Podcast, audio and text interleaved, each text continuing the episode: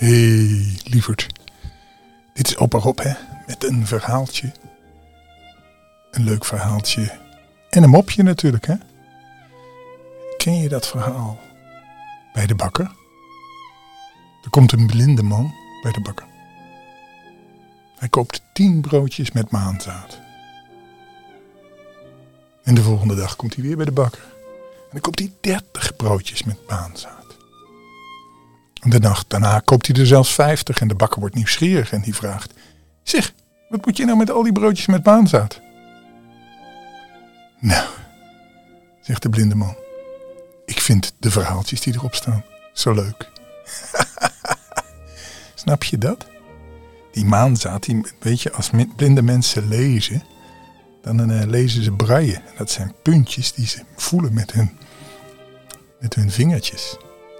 Dus dat maanzaad, dat zijn ook broodjes, dat zijn ook eigenlijk voor hem, zijn dat, kan hij die, lezen. Een goede grap, hè. Hey, ik heb een verhaaltje vandaag van een sprookje. De rattenvanger van Hamelen.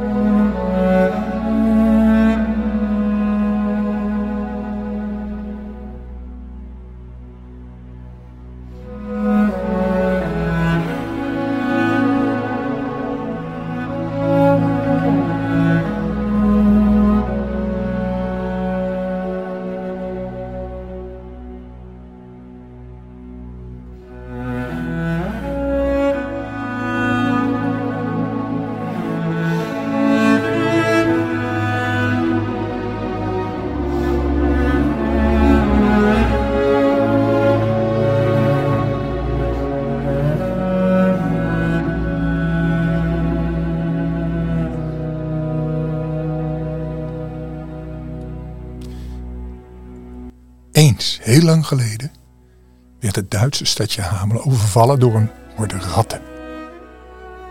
En niemand had deze soort ratten ooit gezien. En niemand zal die ooit ook weer zien. Het waren grote zwarte monsters. Ze waren zo brutaal dat ze midden overdag over de straat renden. Ze zwermden de huizen binnen, zodat de mensen op het laatst geen vin meer konden verroeren zonder er een aan te raken. En als de bewoners zich s'morgens aankleden, vonden ze overal ratten. Zelfs in hun broeken en in hun onderrokken. En in hun zakken en in hun schoenen. En als ze iets wilden gaan eten, had, had die vraatzuchtige bende alles al weggesleept. Van de kelder tot de zolder. En s'nachts was het nog erger. De lichten waren nog niet uit. Of de onvermoeibare knagers gingen aan het werk. Wat knaagden ze. En ze knaagden. En het lawaai van het geknabbel en geknaag zorgde ervoor dat niemand kon slapen. Zelfs een, een dove had nog geen uur rust, zeiden ze. Katten, nog honden, vergif, nog vallen, gemeden, nog kaarsen. Voor alle heiligen, het hielp niet. Hoe meer ratten men doodde, des te meer er kwamen. Maar eens op een vrijdag kwam er een man met een vreemd gezicht de stad in. Hij speelde op een fluit. En hij zong telkens weer een liedje. Wie leert, ziet wee, ziet gewis. Wie of dit is de rattenvanger. Het was een lange lompe kerel, door en bruin verbrand, met een kromme neus, een snor als een rattenstaart en twee grote gele spottende steekogen. Hij droeg een grote vilten hoed met een rode hanenveer, een groen jasje met een leren riem en een oranje broek. Zijn voeten staken in sandalen. Die had hij vastgemaakt met kruisbanden zoals zigeuners dat doen. Je kunt hem nog zo zien op een gebrandschilderd raam in de kathedraal van de stad Hamelen. Op het grote marktplein voor het stadhuis bleef de man staan. Hij draaide zijn rug naar de kerk terwijl hij door bleef zingen. Wie leert, ziet gewis. Wie of dit is de rattenvanger. De gemeenteraad was juist bijeen om nog eens te praten over die Egyptische plaag. Maar niemand in de stad hen van kon verlossen. De vreemdeling liet de raadsleden weten dat hij hen wel van al die ratten af zou helpen. Hij zou dat doen voor de nacht viel. Maar ze moesten hem er wel goed voor betalen. Hij is een tovenaar, riepen de burgers uit één mond. We moeten voor hem oppassen. De burgemeester stelde hen gerust. Hij zei, tovenaar of niet, als deze fluitspeler de waarheid spreekt, dan heeft hij dit afschuwelijk ongedierte op ons afgestuurd. En nu wil hij ons er nog goed, voor goed geld weer van afhelpen. Nou goed dan. Wij moeten leren de duivel met zijn eigen wapens te verslaan. Laat dat maar aan mij over. De burgers vonden hun burgemeester een schrandere man en ze zeiden het tegen elkaar. Laat het maar aan de burgemeester over. En de vreemdeling werd bij hem gebracht. Voor de nacht, zei hij, zal ik alle ratten van Hamelen hebben weggejaagd. Als u me slechts één schelling per kop betaalt. Eén schelling per kop? Jammer de raadsleden. Dat komt op miljoenen daalders. De burgemeester haalde alleen zijn schouders op en zei tegen de vreemdeling: Afgesproken. Voor de ratten zal één schelling per kop betaald worden, zoals u vraagt. De fluitspeler zei dat hij diezelfde dag nog zou beginnen. Zo gauw de maan opging. Hij zei ook dat de inwoners rond die tijd niet op straat mochten komen. Ze mochten alleen van achter de ramen toekijken. Het zou een prachtig gezicht worden. En toen de andere inwoners van Hamelen van de afspraak hoorden, riepen ook zij uit: Eén schelling per kop. Dat gaat ons een hoop geld kosten. Laat dat maar aan de burgemeester over, zeiden de raadsleden terwijl ze elkaar veel betekenend aankeken. En de brave mensen van Hamelen herhaalden: Laat het maar aan de burgemeester over. Tegen de avond verscheen de fluitspeler weer op de marktplein. Net als de eerste keer ging hij met zijn rug naar de kerk staan. En op het moment dat de maan boven de horizon uitkwam, weer klonk zijn fluit. Tradida, tradi. Eerst was het een slepend, strelend geluid. Toen werd het steeds krachtiger en dringender en het klonk zo helder en luid dat het tot in de verste stegen en schuilhoeken van de stad te horen was. Al gauw kwamen de ratten naar buiten. Ze kwamen uit de kelders, van de vliering, van onder de meubels, uit alle hoeken en gaten van de huizen. Ze zochten naar de voordeur. Ze stortten zich op de straat en, trip, trip, trip, trip, trip, begonnen in lange rijen naar de voorkant van het stadhuis te rennen. Grote golven bedekten de straten. Zo dicht opeen liepen ze. Het leek wel een overstroming. Toen het plein helemaal vol was, draaide de fluitspeler zich om.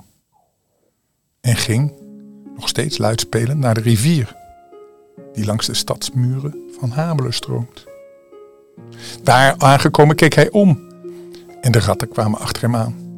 Hup, hup, riep hij, terwijl hij met zijn vinger naar het midden van de stroom wees.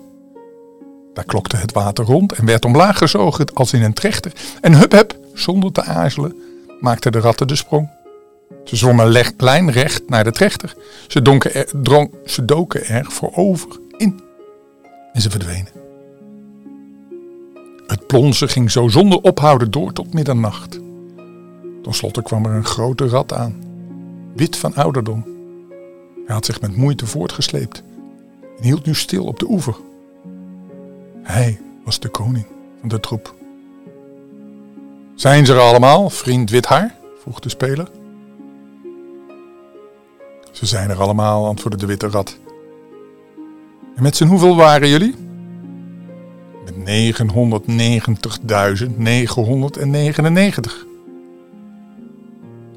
Goed geteld? Goed geteld. Ga dan maar, vroeg, hij, voeg u bij hen, oude koning, en tot ziens. En de oude witte rand sprong op zijn beurt in de rivier, zwom naar de draaikolk en verdween. Toen de fluitspeler zo zijn opdracht had uitgevoerd, ging hij naar bed in de herberg. En voor het eerst in maanden sliepen de inwoners van Hamelen de hele nacht rustig. En de volgende morgen om negen uur verscheen de fluitspeler op het stadhuis, waar de raad op hem wachtte. Al uw ratten zijn gisteren in de rivier gesprongen, zei hij tegen de raadsleden. En ik sta ervoor in dat er geen enkele terug zal komen naar de stad. Het waren er 990.999 tegen een schelling per kop. Reken dat eens uit. Laten we eerst de koppen tellen. Een schelling per kop is een kop per schelling. Waar zijn de koppen? De rattenvanger had deze gemene tegenzet niet verwacht. Hij had die koppen natuurlijk helemaal niet in zijn hand. Die waren weg. Hij werd bleek van woede en zijn ogen schoten vuur. De koppen, schreeuwde hij. Als jullie ze daar prijs op stellen, ga ze dan zelf zoeken in de rivier. Zo, hernam de burgemeester, dus u weigert de voorwaarden van de overeenkomst na te komen. Dan zouden wij van onze kant elke betaling kunnen weigeren. Maar u bent ons van nut geweest. En daarom zullen wij u niet laten gaan zonder een beloning. Met deze woorden bood hij hem vijftig daalders aan. Houd uw beloning maar zelf, antwoordden de fluitspelers. Als u mij niet betaalt, zal ik door uw kinderen betaald worden. En hierop trok hij zijn hoed over zijn ogen, liep haastig het stadhuis uit, verliet de stad, zonder tegen een sterveling iets te zeggen. Toen de bevolking hoorde, van Hamelen hoorde hoe de zaak afgelopen was, wreven ze zich in de handen en ze lachten. Dat de fluitspeler er zo slecht was afgekomen, vonden ze helemaal niet erg. Die is in zijn eigen kou gevallen, zeiden ze. Maar waar ze het hardst om moesten lachten, was zijn dreigement. Dat hij zich door hun kinderen zou laten betalen. Zulke schuldeisers zouden ze hun hele verdere leven wel willen hebben.